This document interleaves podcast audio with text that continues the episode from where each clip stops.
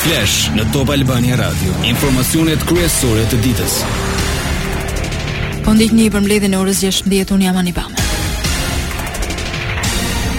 Kryeministri Rama është pritur në një takim nga kancelari gjerman Olaf Scholz në Berlin, me të cilin u diskutua si bashkëpunimi mes dy vendeve, por dhe mbajtja më 16 tetor i samitit të procesit të Berlinit në Tiranë. Ky samit do të jetë një samit që do të vazhdojë në rrugën e çelur Thellimin e procesit do të trajtojë sigurisht bilancin e arritjeve të këtij procesi dhe patjetër objektivat për t'u arritur më tutje, si dhe do të fuqizojë bashkëpunimin në rajon.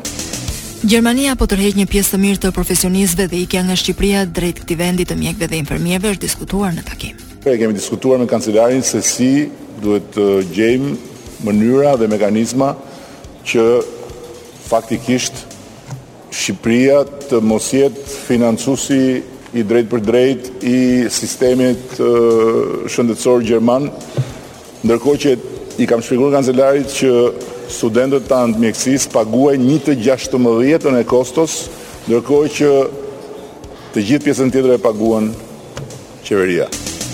Olaf Scholz përmendi nevojat e Gjermanisë për punonjës të kualifikuar është shumë e rëndësishme që edhe vendi ynë ndihet përgjegjës që nevojën e tij të madhe për vende pune mos ta mbulojë vetëm nga shtetet të, të Bashkimit Evropian, por dhe përtej Bashkimit Evropian, ne, ne kemi proponojmë legislacionin për e, emigrimin e fuqisë punëtore të kualifikuar në Gjermani, dhe ne, me këtë hapet tregu e, e, i, i Gjermanisë dhe i Evropës, dhe dhe kjo ndoshta është diçka që e bën më të menaxhueshme situatën edhe në Evropë. Integrimi në Bashkimin Evropian është diskutuar gjithashtu në takim dhe kryeministri Rama tregoi ndryshimin që ka sjellë veçanërisht reforma në drejtësi. Ka ardhur dita që Në Shqipëri atë që s'e besonte askush deri para disa vitesh, është bërë fakt, fakti që edhe njerëz me profil të lartë të lidhur me shumicën qeverisëse mund të shkojnë përpara drejtësisë. Dhe në këtë aspekt e thashë që këto janë shenja shumë domethënëse të një rruge që vazhdon.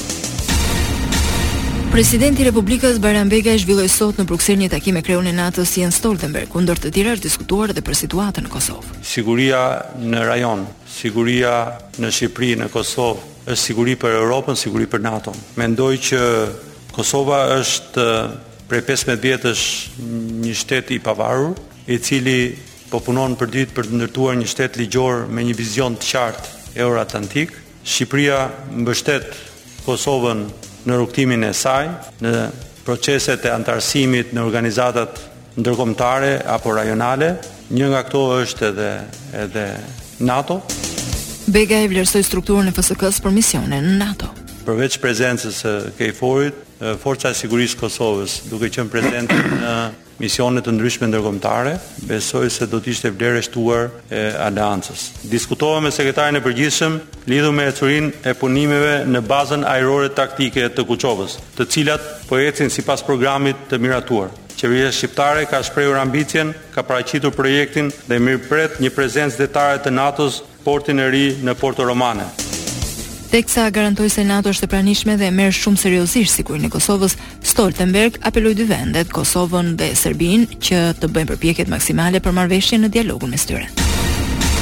I dërguari i posaçëm i BE-së për dialogun Kosovë-Serbi Miroslav Lajçak do qëndrojë të enjten dhe të premten në Prishtinë për takime me liderë të institucioneve të Kosovës, por dhe me përfaqësues të opozitës, Në fillim të javës së ardhshme ai do qëndrojë dhe dy ditë në Beograd.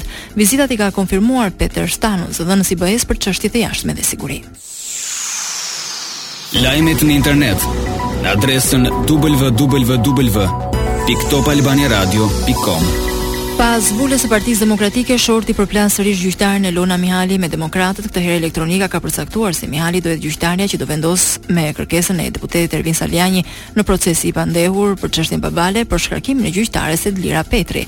Kujtojmë se ishte pikërisht Elona Mihali kryesuesja e trupit gjykues që më 3 mars vendosi të kthejë çështjen e vulës dhe siglës së PD-së në gjykatën e shkallës së parë, duke rrëzuar kështu rithemelimin e Sali Berishës.